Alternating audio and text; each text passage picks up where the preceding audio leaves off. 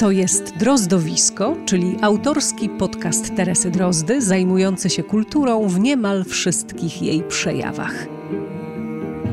Drozdowisko to teatr, literatura, piosenka i film. To rozmowy z twórczymi ludźmi. To kulturalne podróże po Polsce i Czechach. To wspomnienia o ludziach kultury i dużo archiwaliów. Drozdowisko to po prostu ja, Teresa Drozda.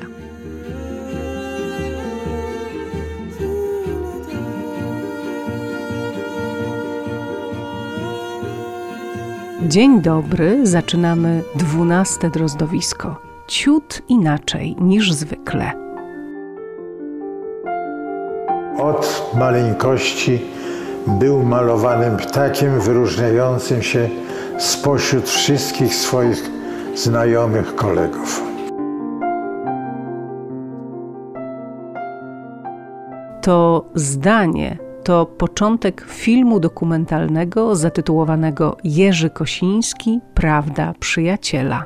Autorem tego filmu jest Igor Przebindowski. A kto jest autorem tego zdania? O tym już w podcaście. No i oczywiście w jego opisie. Gościem Drozdowiska jest Igor Przebindowski. Witaj, dzień dobry. Dzień dobry, witam wszystkich bardzo serdecznie. E, kompozytor, pianista, aranżer to jest chyba twój pierwszy zawód, to znaczy muzyka. Tak, z całą pewnością. Potem e, spotkaliśmy się też kiedyś na niwie twojego pisania i to jest e, rodzaj co, odskoczni. To jest rodzaj jakiejś pasji, natomiast jestem trochę tutaj w tym temacie takim y, raczkującym osobnikiem, ponieważ jest to dla mnie mój debiut, y, jakaś próba literacka.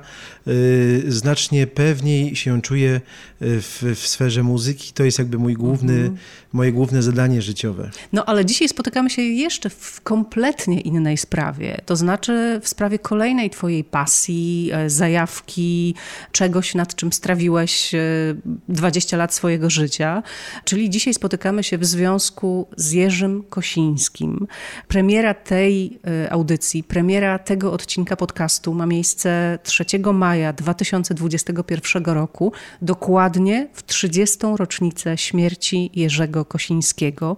Mm, umawialiśmy się na tę rozmowę już od pewnego czasu. To ty zwróciłeś mi uwagę na tę rocznicę i ty chciałeś, żebyśmy o tym Kosińskim porozmawiali, e, spróbowali po tych 30 latach może spojrzeć już wreszcie na niego z dystansem, ale nie mogę zacząć tej rozmowy, nie pytając cię o to, skąd wziął ci się ten Jerzy Kosiński w życiu. No skąd się wziął? Ja y, może zacznę od tego, że ja pochodzę z, z, z rodziny y, o takich korzeniach artystycznych, w związku z tym y, książki i czytanie było rzeczą naturalną dla nas, dla mnie, dla mojego brata, dla, dla moich rodziców mm, I, i w związku z tym ja w ogóle mm, bardzo lubiłem od dziecka literaturę kulturę i przyszedł taki czas, y, to był, to był początek lat 90., y, to był taki czas, y, w którym Jerzy Kosiński stał się w Polsce nagle bardzo popularny. No tak, bo zaczęły po prostu wychodzić, jego książki po 89 roku, roku, bo wcześniej nie mogły. To po pierwsze. No a po drugie, no, zdarzyła się ta katastrofa, można tak powiedzieć, czyli samobójstwo Jerzego Kosińskiego, który poruszył mm, cały świat literacki, kulturalny i w ogóle w świadomości nas Polaków również, ponieważ był przecież na emigracji 30 lat w Stanach Zjednoczonych, tam osiągnął wielką karierę, o czym pewnie będziemy mm, rozmawiali i myślę, że, że w, tym, w tym momencie bardzo silnie zwrócił e, naszą uwagę, naszą e, opinię i stał się jakby taki mm, popularny bardzo przez to samobójstwo trochę też i przez tą swoją drogę literacką, przez tą emigrację. No wszyscy zaczęli go natychmiast jakoś czytać, e, a ponieważ postać Jerzego Kosińskiego natychmiast w Polsce Polsce zaczęła budzić kontrowersje, kontrowersje. bardzo silne. Ja myślę, że budziła w, w trakcie jego nieobecności również, dlatego nie był wydawany za sprawą tych granic polityki, naszego ustroju, prawda? On był na tej emigracji dość mocno krytykującym w pewnym sensie system wartości komunistycznych, prawda? Jednak, jednak był, był... Tak, spotykał się z papieżem, wspierał, wspierał um, Solidarność. Tak, ale też na początku po- swojego pobytu przez krótki czas, albo może i dłuższy, współpracował z CIA, na przykład, o czym y, się mało mówi, a jest przecież w biografii doskonale. Y, Ta współpraca z całą pewnością umożliwiła mu y, no, te pierwsze kroki literackie i nie tylko w Stanach Zjednoczonych w dużym stopniu. W związku z tym był osobą kontrowersyjną i to, co napisał, to, co w ogóle pisał, czy jego styl życia, który, który prowadził w Ameryce, na pewno budził ogromne kontrowersje tutaj w naszej y, komunistycznej Polsce i w momencie, kiedy on się pojawił y, po tym 89 roku w Polsce, no, mm, wywołał dość dużą, tak bym powiedział, sensację. Y, Warto też przypomnieć, że Kosiński y, po y, Józefie Konradzie osiągnął y, na świecie y, jako Polak największą karierę, bo trzeba tutaj wspomnieć o tym, że był tłumaczony na 30 języków i sprzedał ponad 70 milionów egzemplarzy swoich, swoich dzieł, swoich książek.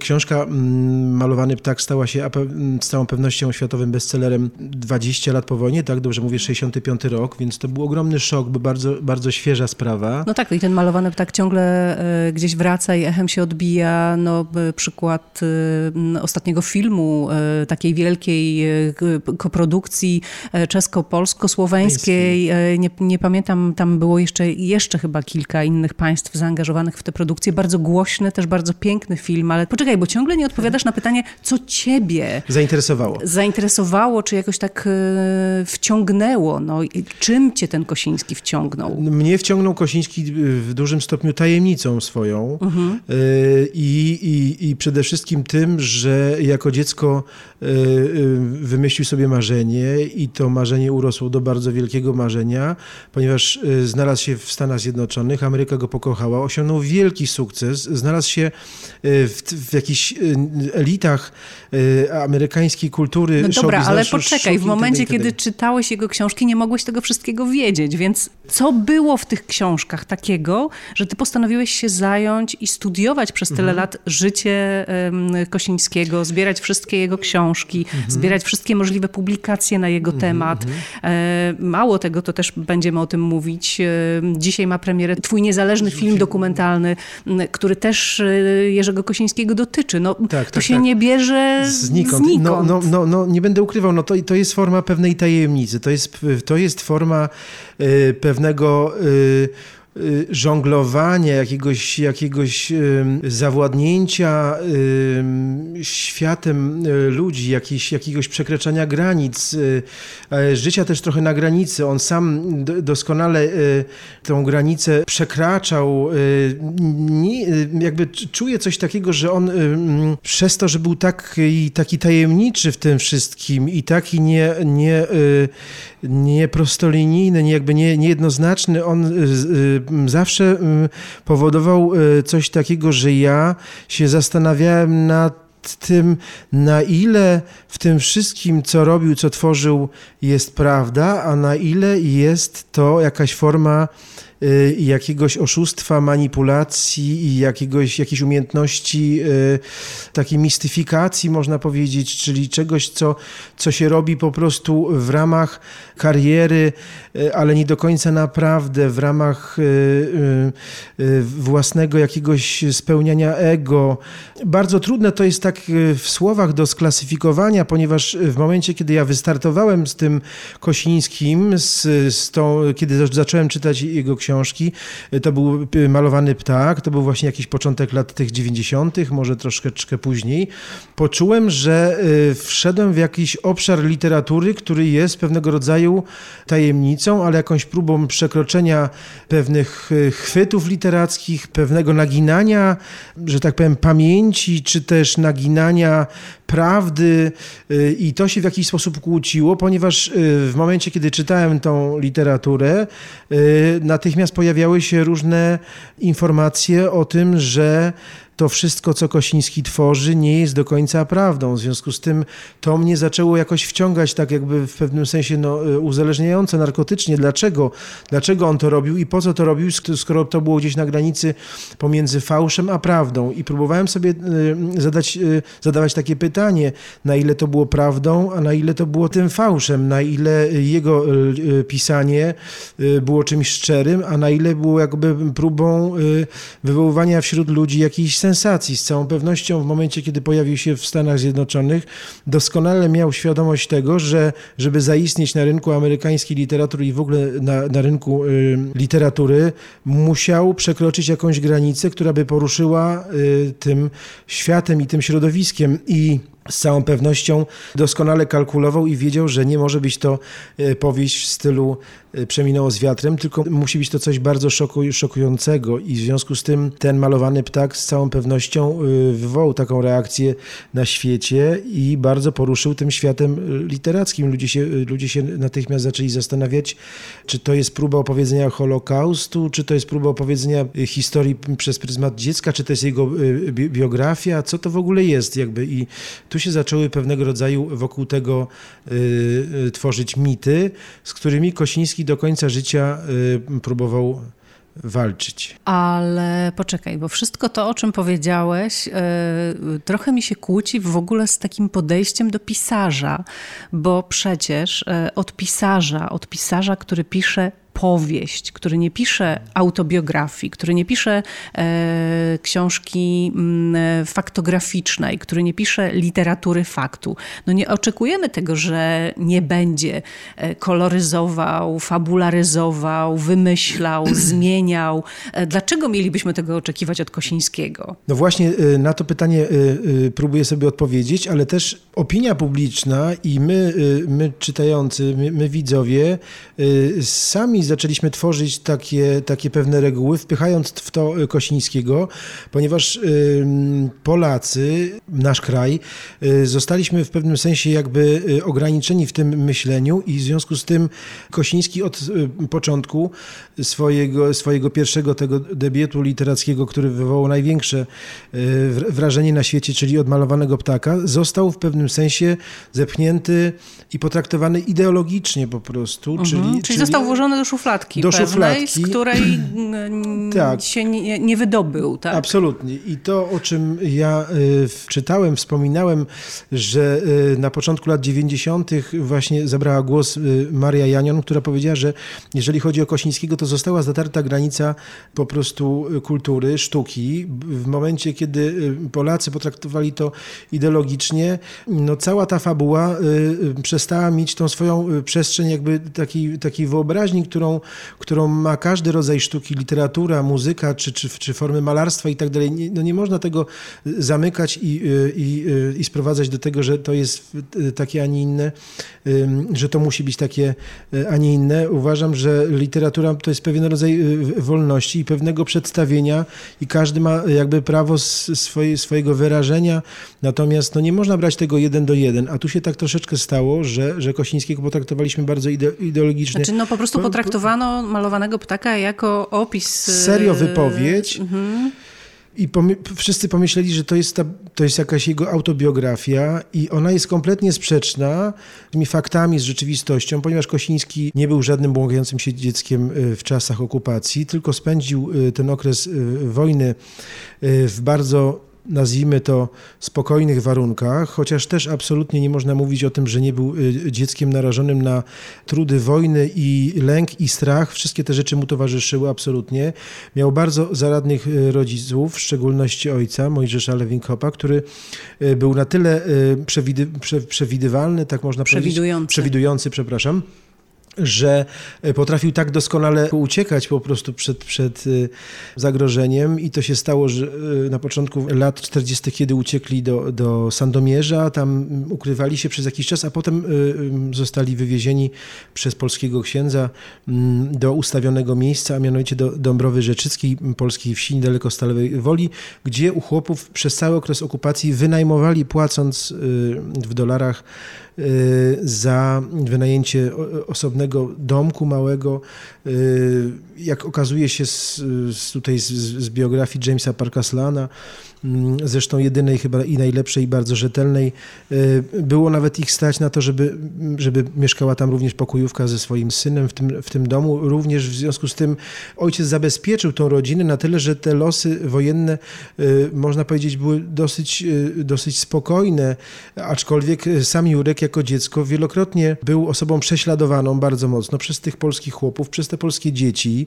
Nie mógł się bawić, doznał w, w ogromnej krzywdy, o czym opowiadam w swoim właśnie mm, tym dokumencie, który stworzyłem zapraszając przyjaciela Jerzego Kosińskiego, pana Jerzego Neugebauera, wybitnego łódzkiego fotografika, który z Jerzym Kosińskim w tych czasach powojennych, w zasadzie końcówki liceum, początku studiów, spędzał bardzo dużo czasu, byli przyjaciółmi i opowiada mi wspaniałe rzeczy, bardzo świeże można powiedzieć, ponieważ Kosiński y, zaledwie parę lat po tych wydarzeniach dzielił się tymi strasznymi swoimi przeżyciami z Jerzym Neugebauerem. W związku z tym jakby tu znam tą, tą stronę tych wypowiedzi, y, jak ta wojna wygląda z, z, ze strony perspektywy Kosińskiego, z perspektywy Kosińskiego, a nie Kosińskiego tego, co, dziecka, dziecka tak. a nie tego, co piszą biografowie y, i nie tego, co piszą, czy oceniają dzisiaj współcześnie dziennikarze na podstawie przeczytanych, y, porównywalnych książek, jakichś opinii, różnych opowieści, które tak naprawdę nie mają do końca mm, pokrycia. Wydaje mi się, że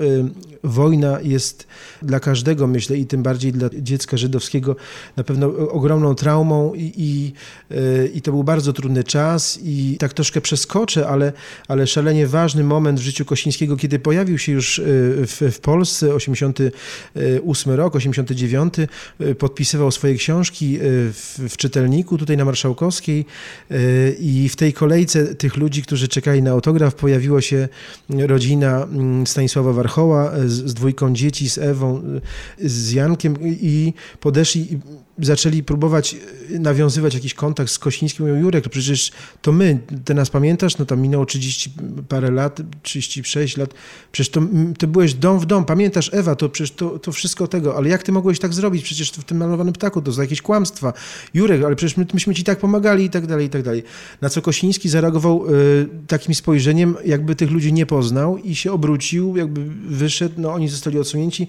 To się też rozpętało jakieś takie trochę y, w pewnym sensie piekło ci ludzie się zwrócili do jakichś tam e, gazet, nawet był jakiś wywiad, dlaczego Kosiński ich nie poznał, dlaczego, dlaczego im nie użyczył gestu przywitania, powitania, podziękowania nawet. No, myślę, że Kosiński e, absolutnie tego okresu mimo wszystko jako dziecko nie pamiętał zbyt, zbyt e, optymistycznie, ponieważ, no, tak jak powiedziałem, polscy chłopi to byli prości bardzo ludzie i na pewno Kosiński po prostu przeżył bardzo wiele różnych przykrości ze strony tych, no tak, a w wyobraźni dzieci. dziecka y, mogły pewne rzeczy y, urosnąć do no, gigantycznych tak. tak Prze, y, przeżyć, przeżyć i problemów. Emocjonalnych, tak. E, I to w malowanym ptaku doskonale widać. Ja malowanego ptaka wtedy, kiedy było o nim głośno, czyli na początku lat 90., nie czytałam. Jakoś mnie zupełnie nie ciągnęło do tej książki. Ja też w ogóle omijam książki, które są głośne i takie po prostu gorąco dyskutowane. Do dzisiaj mi to zostało. A ale wiedząc, że będziemy o tym Jerzym Kosińskim rozmawiać, przeczytałam Malowanego Ptaka po raz pierwszy, czyli jako no już bardzo dorosły i ukształtowany człowiek. I w pierwszej chwili, powiem Ci, miałam wrażenie, że to jest potwornie nudna książka. Oczywiście są w niej e, takie bardzo brutalne obrazy, ale sposób narracji, czyli taki bardzo lapidarny sposób opowiadania o tych najbrutalniejszych nawet sprawach, typu, e, zresztą to tak tam eskaluje, tak? Zaczyna się od spalenia wiewiórki, a potem eskaluje, eskaluje, eskaluje. Ale zmierzam do tego, że no już minęło parę dni, odkąd tę książkę przeczytałam i myślę sobie o niej i myślę też, że ona jest jednak napisana doskonale. E, to znaczy, doskonale jest tam złapany jakiś taki mechanizm psychologiczny dziecka, które zostaje mm, absolutnie pozbawione wszystkiego, w czym do tej pory żyło, pozbawione świata, jaki znało, wchodzi w świat bez przewodnika, totalnie dla siebie obcy I pięknie to w tej książce widać, kiedy on ulega jakby kolejnym, e, nazwę to e, lapidarnie, komunikatom, które dostaje. Czyli najpierw przygląda się tym ziołom i tam słucha tej swojej zielarki, e, potem gdzieś trafia indziej, potem jest cały ten wątek modlenia się o odpusty, potem to zafascynowanie tym żołnierzem radzieckim, który tam się nim bardzo opiekuje. Jak bardzo on się cały czas przemienia w tej e, opowieści, mm, e, jak negatywnie reaguje na rodziców po wojnie, kiedy oni się nagle objawiają. To był w ogóle taki chyba najbardziej szokujący dla mnie moment mm, w tej książce, bo e, to, zarzuty, które stawiono Kosińskiemu, pamiętam, były między innymi takie, że on tam gloryfikuje nazistów, ale w momencie, w którym, jak myślę o tej książce teraz i cały czas mając w głowie to, że to jest relacja dziecka. E, no to kiedy on po prostu z tego brudnego świata nagle zostaje postawiony przed y, pięknym, smukłym, czystym, pachnącym SS-manem, SS-manem no to po który prostu... jest wobec niego życzliwy do tego wszystkiego. No to nagle... po prostu jemu się może, może mu się ten, ten, ten człowiek objawić jako rodzaj na, nad właśnie mhm. człowieka, jako kogoś lepszego. I myślę sobie, że ta książka jest psychologicznie niesamowicie e, e, tak naprawdę napisana, bo te jego relacje, one są naprawdę bardzo lapidarne i to jest jakiś taki rodzaj takiego języka, obranego ze wszystkiego. E, dopiero w którymś momencie też pojawiają się e, opisy tych, nie wiem, strzyk, jakichś duchów, e, całej masy takiego świata właśnie, które Historia sobie... Kozą tak cała masa też takiego świata, który sobie wyobrażamy, kiedy zamykamy oczy, kiedy się boimy, kiedy sobie nadwyobrażamy całą masę rzeczy, które się z nami dzieją. No ja sama pamiętam, że jak byłam dzieckiem, to wyobrażałam sobie, że świat nie istnieje i że realna jestem tylko ja. I kiedy za drzwiami mieszkania znikają moi rodzice, to oni się przemieniają w jakieś demony. I kiedy sobie to wszystko uświadomiłam, czytając tego malowanego ptaka, e, to pomyślałam sobie, że to jest jednak e, znakomita, naprawdę znakomita proza, oddająca mechanizmy, które mogą się dziać w głowie małego człowieka, jak mówię, wyrwanego ze swojego środowiska, E, zostawionego samemu sobie i po prostu wtłoczonego w coś absolutnie dla niego e, abstrakcyjnego i nieznanego. Absolutnie się z tym zgadzam i myślę, że cały świat no, potraktował tą książkę właśnie w taki sposób, że mm, nie odczytał jej absolutnie jakby jeden do jeden, że to jest książka, która y, krytykuje, szkaluje, y, y, mhm. nie, nie, nie, nie szukał żadnej próby nazywania, czy to dziecko było Żydem, czy Cyganem, żadnego ustosunkowania. Kosiński nigdy w żadnym wywiadzie nigdy nie mówił, że to jest jakaś jego biografia. On zawsze opowiadał, że to jest jakaś pewna próba przefiltrowania przez pryzmat dziecka i no bo, używał no jakichś bo, różnych no bo, pewnych no komunikatów. No, no, bo które... zdaje się, że to mu zarzucano, tak? Że on tak. mówił wprost tak. w wywiadzie, wywiadach, że to jest jego biografia i że, e, a, a, kiedy się okazało, że to jest nie jego biografia, czyli rodzaj, no właśnie, e, kłamstwa, od którego wyszliśmy, tak? tak. E, że to, i, i to mu stawiano jako, jako zarzut, tak? I stąd się wzięła cała ta awantura, bo ja to próbuję zrozumieć i jakoś nie za tak, bardzo stąd mogę, się wzięła ta, ta, ta, awantura absolutnie i władze komunistyczne, no i w, w, tutaj jakby ten, ten nasz blok wschodni i tak dalej uzna, uznały w Kosińskiego za osobę, która wypacza pewien rodzaj historii, bo przecież w naszym myśleniu, w, w, wtłaczanym przez dziesiątki lat już po wojnie i tak dalej, y, były pewne wzorowe ustawienia, że przecież Polak był wspaniałym Polakiem, Niemiec był złym człowiekiem, Rosjanin był wspaniałym y, Rosjaninem, wspaniałym żołnierzem i to w takiej kolejności to inaczej nie, nie, nie mogło funkcjonować. To i tak jest w ogóle w pewnym sensie bardzo interesujące i ciekawe, że parę lat temu, nie, nie, nie powiem do końca, może z 5-10 lat temu, nagle w, w, w, w, polskiej telewizji, czy w ogóle w, telewizji, w jakiejś dyskusji pojawia się autor e, Jan Gross, jeżeli dobrze, dobrze mm. mówię, który nagle przyniósł książkę opowiadającą, opowiadającą o tym, że dokonał pewnej, e, pewnej listy podsumowania faktów związanych z tym, że Polacy wcale nie byli tacy dobrzy, jak się y, o nich mówiło w czasie okupacji i że ogromna ilość Polaków po prostu wydawała ludność żydowską y, i działy się straszne rzeczy i to znowu powstało jakieś wielkie oburzenie i potężna krytyka. Jak my, można? My jako Polacy, mhm. przecież to jest niemożliwe, absolutnie wszyscy pomagali, przecież Bartoszewski o tym mówi, przecież Irena Sendlerowa, co wy opowiadacie? Nigdy tak nie było, to jakieś marginalne jakieś jednostki, no byli szmalcownicy, ale to ich było pięciu, a nie, a nie tak jak, nie 10 tysięcy, tak jak pisze o tym Gross i tak dalej. Czyli mamy ten, ten, ten jakby też niewyjaśniony własny kompleks tej, tej, tej sytuacji związanej z historią. E, e, myślę sobie o tym, że to, co wtedy napisał Kosiński w Malowanym Ptaku, było dla świata szalenie uniwersalne po prostu mhm. i pokazywało, tak jak powiedziałaś, mm, ten, ten przefiltrowany przez, przez, przez dziecko świat tej okupacji, gdzie wiele rzeczy stają się no, po prostu czasem irracjonalne, jakby nie... nie, nie, nie, nie tak, jakby też nie, jakby tam nie było konsekwencji niezgodne. w tym jego działaniu, no ale to jest sześcioletnie, siedmiu, ośmioletnie dziecko, no nie musi działać konsekwentnie. E, no dobra, ale bo właśnie ja skupimy taki, się tak. na, na, na, malowanym ptaku Taku. przez cały czas. E, no fakt, że to jest ta najgłośniejsza i, i, i pewnie najważniejsza mhm. i długo jeszcze będzie najważniejszą e, książką Kosińskiego, ale tak, co chcesz, co chcesz? Chcę tylko powiedzieć, bo tutaj y, jesteśmy przy pisaniu, przy języku, języku. Jerzy Kosiński miał, jak wielu innych wspaniałych ludzi na, na, na świecie, wybitnych, mądrych, y, swoje złote myśli, y, którymi y, też często obdarowywał, że tak powiem, jakieś przypisy do książek swoich, ale też i w artykułach różnych. Czym był dla niego język? Tu mam taki, taki krótki cytat, który chciałbym zacytować. On może nam pozwoli dalej wyjść w naszej rozmowie. Kosiński, cytuję, napisał, że język to skóra, wyrabiam go w kontakcie z innym. To tak, jakbym miał słowa w miejsce palców albo palce na koniuszkach słów. Mój język drga pożądaniem. Y, I myślę y, sobie o tym, że język y, i sposób wyrażania się poprzez ten język dla niego przede wszystkim był szalenie ważną jak nie najważniejszą podróżą i celem przez życie. Że to go tak nieprawdopodobnie fascynowało, że on y, poprzez język, poprzez stwarzanie, poprzez y, wymyślanie, y, naddawanie, on się w tym niesamowicie spełniał. Natomiast, natomiast myślę, że za każdym razem stawiał sobie jakąś pewną granicę, którą chciał w tym pisaniu przekroczyć. I to się w dużym stopniu udawało. Zaczęło się od malowanego ptaka, dostał wiele za to nagród.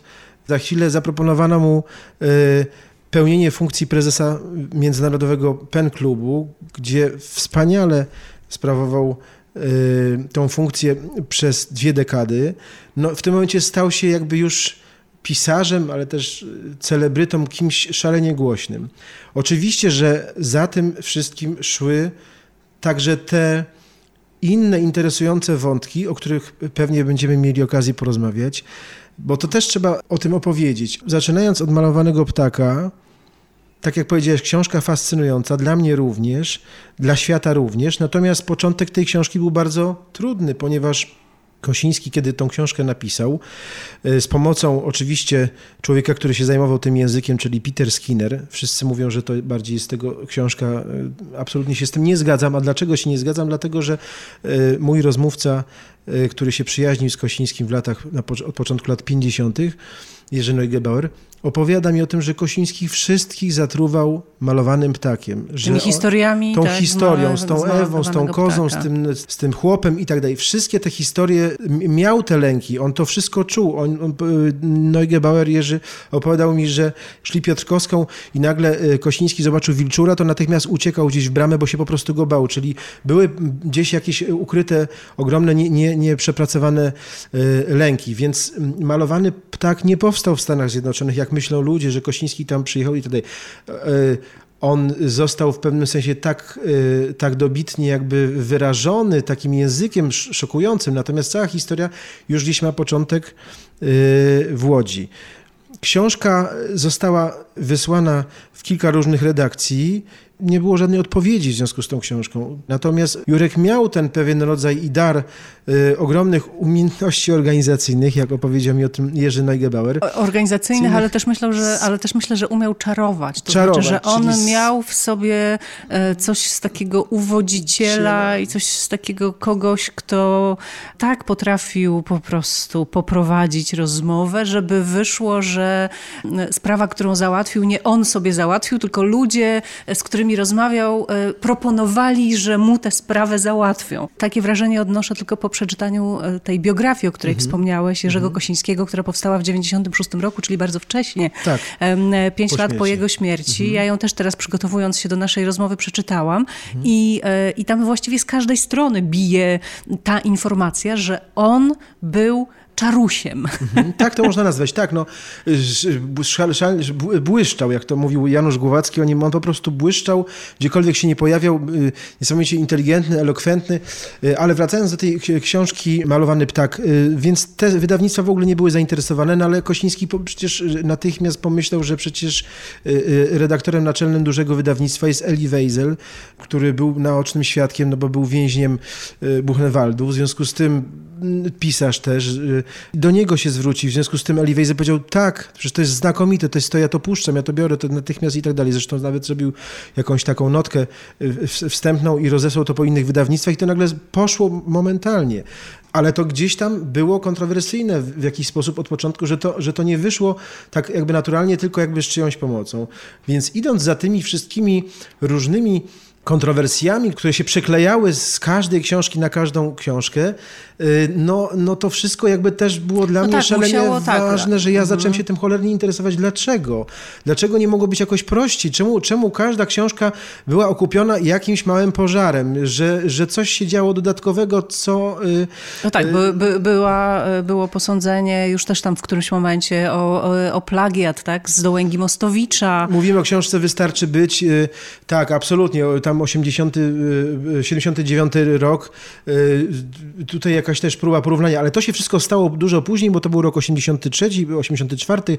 Dwóch y, dziennikarzy z Village Voice, którzy mu się dobrali do skóry, y, przewertowali całą jego twórczość, dotarli do tych wszystkich ghostwriterów, osób, które mu pomagały w tworzeniu y, y, pracy nad językiem y, i do różnych innych osób. y, Nawet pokusili się do tego, że polecieli tutaj do Polski, odwiedzili tą y, rodzinę tego Stanisława Warchoła z, z jakimś nieudalnym tłumaczem, zaczęli y, rozmawiać, jakie były losy tego Kosińskiego. Ci chłopi op- opowiedzieli mu znowu, y, tym, tym dziennikarzom, Swoją zupełnie jakąś inną swoją historię. zupełnie inną Mhm. historię, że on tutaj miał wspaniale, że to były obiady, że oni w ogóle chodzili w kapciach, że tu się nic nie działo, a tylko czekali na wyzwolenie Rosji i tak dalej. Więc tamci przyjechali i jeszcze to wdrożyli, podwoili, zrobili z tego sensację, że przecież Kosiński te lata wojny spędził bardzo przyjemnie, a tak naprawdę nigdy tych książek swoich nie pisał, tylko pisali za niego ghostwriterzy, ale ponieważ był sp- sprytny, jeszcze przed debiutem tym literackim w 65 roku malowanym ptakiem, ożenił się z wdową po y, multimiliarderze ropy naftowej, Mary Ware. Y, W związku z tym natychmiast jego status społeczny, życiowy był na tyle y, wysoki, że mógł sobie pozwolić na tą książkę i wydał to i zainwestował własne pieniądze. Więc zaczęły się tworzyć jakby równoległe różne mity, prawda, w tej całej historii, ale w 79 roku książka Wystarczy być również osiągnęła y, wielką popularność, ponieważ została zekranizowana y, i powstał film, y, w którym to filmie y, zagrali wybitni aktorzy Peter Sellers, y, Shirley MacLaine, y, Oscar za rolę drugoplanową Melvin Douglas.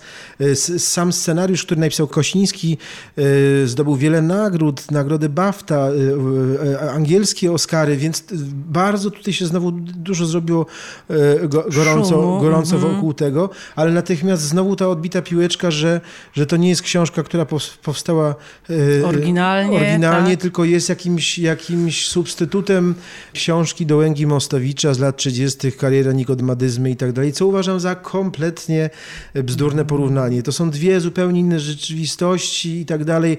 Taki rodzaj doszukiwania się, to byśmy mogli y, każdą książkę do czegoś zbliżyć, to ja bym mógł czytając y, Głowackiego pomyśleć, że on jest bardzo bliski w relacjach opowiadania ludzkich z Czechowym, ale to, to nie o to chodzi, po prostu no, jest jakiś rodzaj inspiracji, z czegoś człowiek musi czerpać, to jest jasne. Natomiast... Literatura karmi się literaturą. Bardzo tak samo jak się muzyka tak się karmi muzyką. Mhm. Krzesimira Dębskiego słyszymy y, y, postromantyzm muzyce rosyjskiej, Skriabina i Czajkowskiego i tak dalej. Normalne rzeczy, ja to śledzę, wiem doskonale, to jest nic, nic nowego i tak dalej. Natomiast y, to porównanie jest bardzo surowe i bardzo bolesne. Uważam, że nie ma nic wspólnego.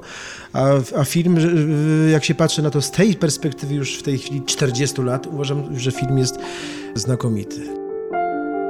Od maleńkości był malowanym ptakiem wyróżniającym się spośród wszystkich swoich znajomych kolegów.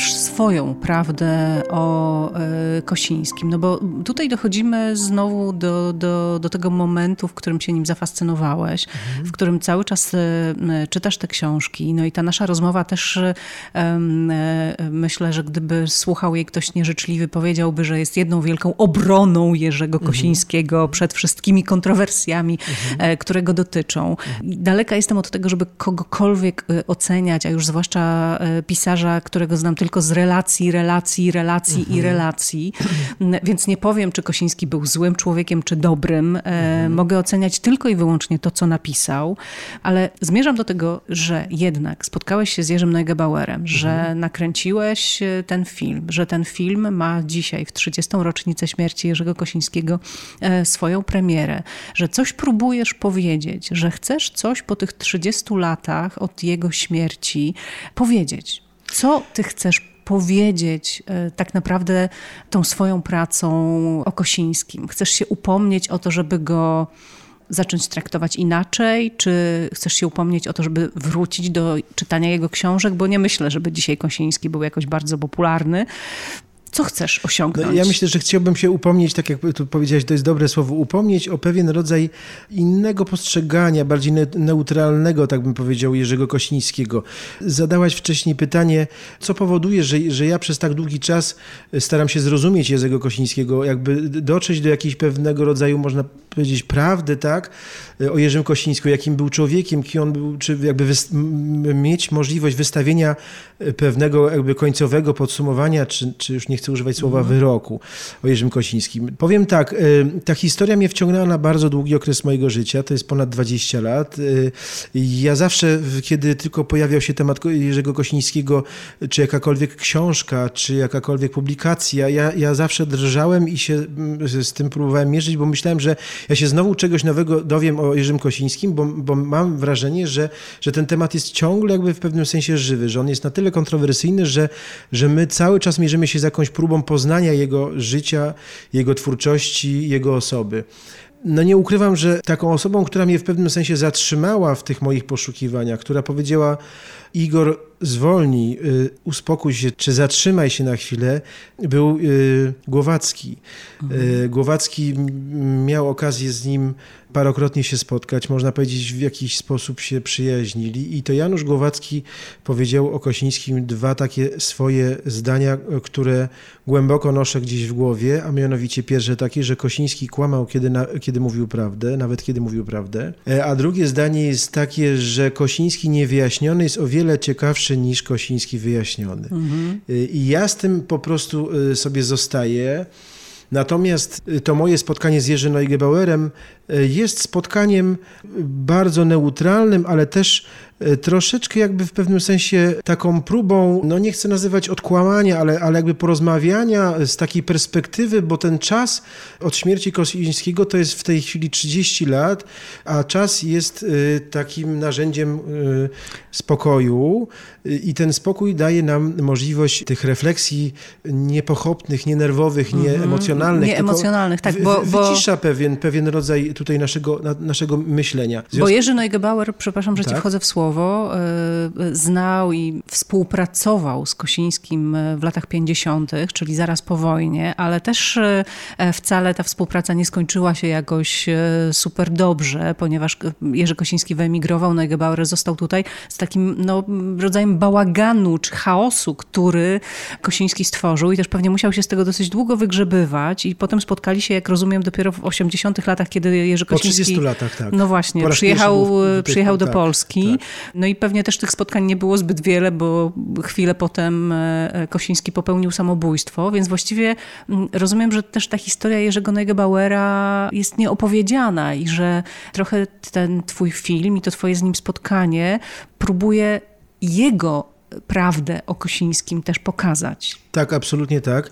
To, co jest takie ciekawe i dosyć e, istotne, że w momencie, kiedy oni się rozstali w takich e, okolicznościach niezbyt sprzyjających, w jakimś małym konflikcie, e, razem należeli do EUTF-u, Łódzkiego Towarzystwa Fotograficznego, w którym zrobili wystawy.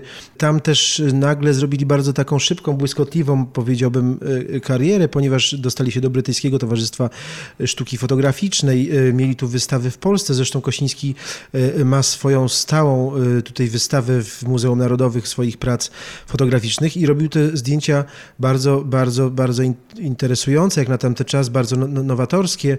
Y, y, to była jakaś ich pasja, która ich połączyła. Natomiast zmierzam do tego, że jak się spotkali po 30 latach, Kosiński był jego tym kolegą sprzed tych 30 lat. I jakby nie grał kogoś innego, tylko okazuje się, że to my Y, widzowie y, sami w naszej wyobraźni tworzymy y, Kosińskiego i nadajemy mu pewien rodzaj jakiejś odmienności. Jakiej, jakiejś... Oba, obarczamy go, czy też nadajemy mu jakieś cechy, tak, których nie ma. Przypisujemy tak, mu jakieś cechy. Których, których, których, nie ma, bo ten mój rozmówca Neugebauer, Jerzy, mówi o tym, że malowany ptak powstał tutaj w Łodzi w tych latach 50. W, w, w głowie Kosińskiego i ja mu zadałem takie pytanie, panie Jerzy, ale proszę proszę mi powiedzieć, to co w tak, gdzie jest problem z tym Kościńskim? Gdzie jest problem mhm. u nas wśród, wśród Polaków, naszego kraju? I on mówi, ja tego właśnie nie wiem, ponieważ, panie Igorze, ja nigdy nie słyszałem, nigdy niczego nie wyczytałem, żadnych informacji.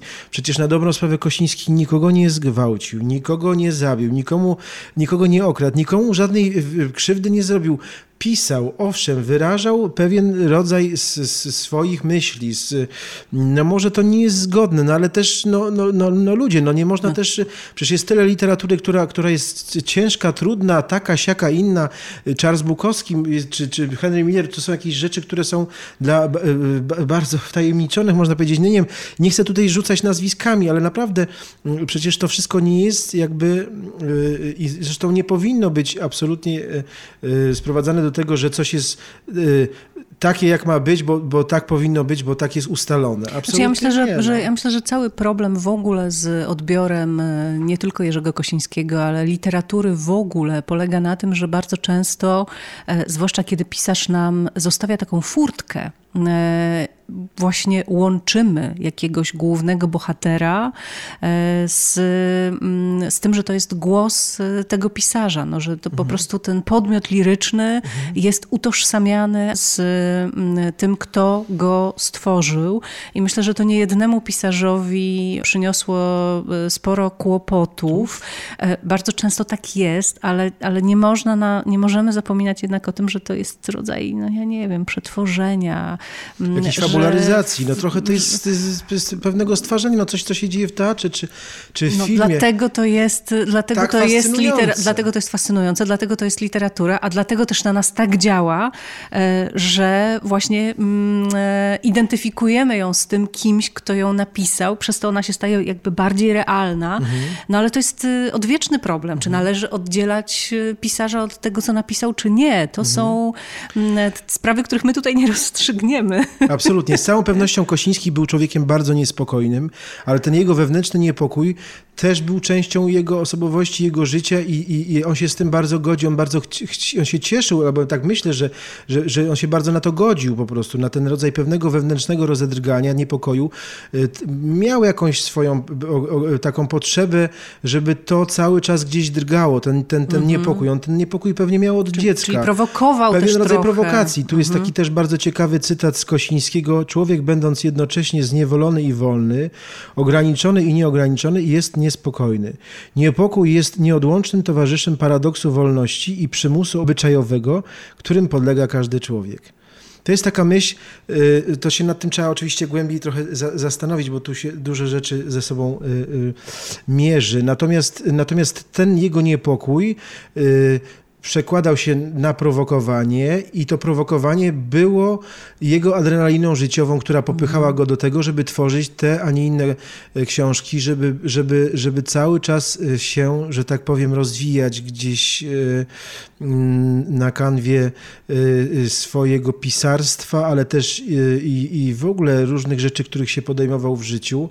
A prowokacja była jakby nieodłącznym tym, tym, tą, tą częścią jego życia. Zresztą w ogóle myślę, że Ameryka też y, jest, y, jest takim miejscem, w którym ludzie, którzy prowokują, są y, zauważeni, prawda? Bo to jest jakby taki nieodłączny element. Kosiński mm, posuwał się do takich historii, tu powiem coś ciekawego. W 1969 roku, kiedy była ta straszna zbrodnia na Cielo Drive w, w Hollywood, w domu Romana Polańskiego, Kosiński do tego stopnia się posunął, że udzielił jakiegoś wywiadu w małej, takiej mało znaczącej prasie, ale jednak tutaj w Nowym Jorku y, i pojawił się jakiś artykuł, że Kosiński sam jakby doniósł, że on miał też być w tym domu, y, tylko była taka sytuacja, że y, cudem się tak zdarzyło, że nie doleciał tego dnia do domu Romana Polańskiego, dlatego że pomylono na lotnisku jego walizki i on w związku z tym musiał zostać, o 12 godzin został ten lot opóźniony, a w związku z tym w konsekwencji nie wyleciał i tak dalej. Tu pojawia się pytanie, po co coś takiego? Po co taki rodzaj jakiegoś zwracania na siebie uwagi, uwagi jakiegoś szantażu emocjonalnego wobec publiczności tragedii. i tak dalej, wobec strasznej tragedii i tak dalej, podczas gdy wiem to od właśnie mojego rozmówcy mm, Jerzego Neugebauera, że te relacje z Kosińskim y, y, Polańskiego wcale nie były jakieś bardzo y, przyjazne. Oni się owszem spotykali na nartach w Szwajcarii, ale tam przecież przyjeżdżali różni inni ludzie, e, tacy jak Jean Gutowski czy, czy Grünberg, czy no, środowisko te, które było polonijne, e, się spotykało w związku z tym, ale to nie była jakaś wielka przyjaźń, więc ta mhm. historia pod tytułem, że on miał tam lecieć, tak dalej, cały czas pewnego jest, rodzaju... Jest, nie jest e, raczej prawdziwa. Próba tak? pro, pro, mhm. prowokowania. No oczywiście, że ten jego świat tych, tego podziemia, nazwijmy, którą stworzył w tej swojej literaturze, ale też które, która była częścią jego życia, ten rodzaj pewnej tajemnicy y, mm, seksualności Kośnińskiego, no to też jakby jest y, świat, z którym być może y, w dorosłym życiu po prostu sobie nie radził, bo jako dziecko to gdzieś mogło zostać zaburzone, o czym pisze biograf James Park Sloan, że mały Jurek, mając te lat 7 przez te 4 lata okupacji, sypiał z mamą i z ojcem w jednym łóżku i tak dalej, to na pewno też może gdzieś w tej psychice młodego dorastającego chłopczyka y, dojrzewającego stworzyć pewien rodzaj jakichś różnych granic, kompleksów, y, pewnych wynaturzeń, które potem się przenosi na, na y, całe, całe życie. W związku z tym ta jego literatura była mocno nasączona pewnym rodzajem mm, erotyki i to nie z takiego miękkiego znaku przyjemności, tylko czasem czegoś bardzo wulgarnego i bardzo kontrowersyjnego, co powodowało też w krajach y, takich jak Polska dość y, mocną falę krytyki, dlaczego tak, a nie inaczej, prawda? No i tak pewnie moglibyśmy jeszcze długo, ale musimy powoli Igorze mm, kończyć. Chcę raz jeszcze wrócić do tego twojego y, filmu, wolnego, niezależnego, zrobionego mm, dlatego, że po prostu czułeś taki imperatyw, jak rozumiem. E, jak ten film znaleźć? Gdzie go zobaczyć? Jak go zobaczyć? Można zobaczyć ten film na platformie YouTube, ale też będę myślał o tym, żeby ten film y, w ramach y, jakichś pewnych możliwości pokazywać go y, w szerszym gronie. Być może wyślę go na parę festiwali.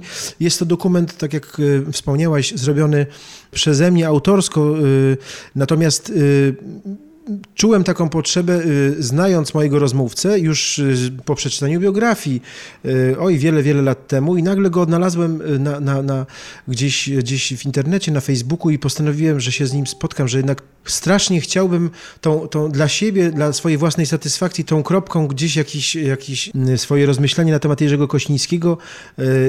Jerzy Neugebauer w, obchodzi 90. urodziny w tym roku, 91. urodziny, w związku z tym to już jest bardzo sędziwy mhm. pan, ale no cały tak, czas... i to jest ostatni moment tak naprawdę, żeby go wysłuchać, prawda? Tak, a z drugiej strony też myślę sobie, że mając y, taki wiek, y, można z całą pewnością, z wielką lekkością opowiadać o tych rzeczach, y, nie ryzykując niczym, tylko mówiąc po prostu to tak, jak się Tak, jak chce było, powiedzieć. Tak jak było, tak jak się chce powiedzieć. Igor Przewindowski był e, gościem Drozdowiska, a ma ten film jakiś tytuł? Ten film ma tytuł Prawda przyjaciela. Prawda przyjaciela Jerzy Kosiński pod takim tytułem e, możecie tego filmu szukać na YouTubie, e, wypatrywać innych e, akcji, które Igor będzie pewnie w tym roku mm, jeszcze inicjował w związku z Jerzym Kosińskim. Ja Ci bardzo dziękuję za to spotkanie i za mm, właściwie sprowokowanie, czy wręcz trochę zmuszenie mnie do tego, żebym spojrzała na kogoś takiego jak Jerzy Kosiński. Ja nie zostanę z tą twórczością, bo chyba nie jest mi to zupełnie do niczego potrzebne, ale e, niesamowicie się cieszę, że przeczytałam tę biografię.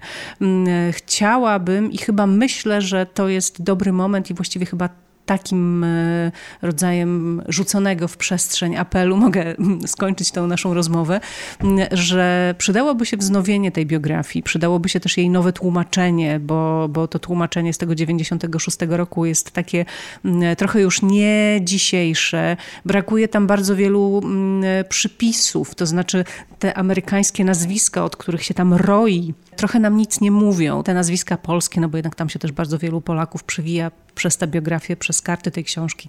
E, To oczywiście inna historia, więc przydałoby się zrobić takie, mm, nazwę to, krytyczne wydanie e, tej biografii, ale rzeczywiście ona e, idzie za tym Jerzym Kosińskim krok za krokiem, bardzo dokładnie, nieomalże dzień po dniu opisuje, opisuje jego życie i odnosi się do wszystkich tych kontrowersji, też o których myśmy tutaj mówili. Więc tak, to jest bardzo, bardzo mm, interesująca, ale myślę, że też trochę chyba zapomniana e, książka i w tę 30. rocznicę mm, e, śmierci Kosińskiego można by ją wznowić. Y, Zgadzam się absolutnie.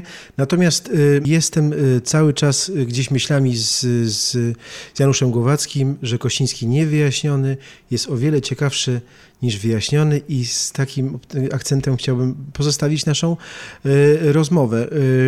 Y, na pewno myślę, że będą powstawały książki kolejne y, o Jerzym Kosińskim. Taką książką zresztą był, y, była książka y, Głowackiego Good Night Jersey, prawda?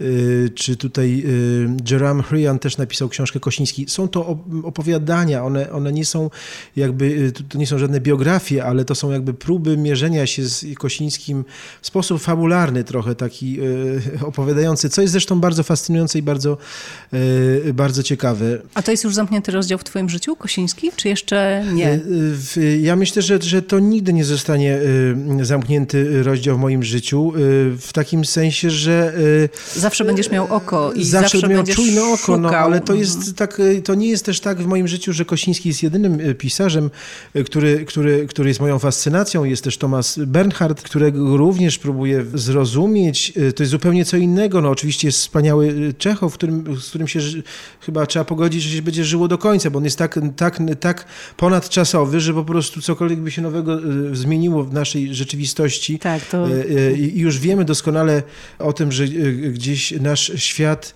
doszedł do momentu pewnego skończenia, skończoności, jak pisze o tym w czułym narratorze Olga Tokarczuk. Już jesteśmy u progu takiej naszej cywilizacji, gdzie wszystko żeśmy już zjedli, zdobyli, zobaczyli, już nie ma miejsc, które są nieodkryte, wszystko już mamy i tak dalej, i tak dalej. To, to na, nadal są relacje ludzkie i te relacje ludzkie one się naprawdę ni- nie dezaktualizują, po prostu one są wciąż takie same. Zmieniają się tylko y, garnitury, ubrania, nie wiem, y, mody, kolory oczu i różne inne rzeczy, y, ale poziom tych problemów jest cały czas taki sam jak u Czechowa. On był przecież znakomitym lekarzem ludzkich serc, w związku z tym myślę, że Kosiński pozostanie i będę go starał się odświeżać. Natomiast tak jak powiedziałem, gdzieś jakiś czas temu nastąpił ten, ten, ten moment stopu tego głodu, tej, tego dążenia do prawdy, y, ponieważ, no, y, tak jak powiedziałem, Janusz Głowacki Wiedział, co mówi. Wiedział, co mówi. Powiedział, zwolnij, uspokój się, przystań i pomyśl sobie o tym, co ci powiedziałem. E, Igor Przebindowski e, był gościem Drozdowiska w 30. rocznicę śmierci Jerzego Kosińskiego. Bardzo, bardzo Ci dziękuję. Ja też również bardzo dziękuję za zaproszenie. Pozdrawiam serdecznie. Jeśli podobał Ci się ten podcast, postaw mi kawę. Albo zostań jego patronem na dłużej. Odpowiednie linki znajdziesz w opisie. Oprawa muzyczna Dorota Barowa pod tytułem Drozdowisko. Jestem na YouTubie, Spotify'u, Google Podcasts i innych platformach. Polecam się też na Facebooku, Instagramie i w serwisie strefapiosenki.pl. Każdej z tych internetowych dróg możesz użyć, żeby się do mnie odezwać. Teresa Drozda, dziękuję, do usłyszenia.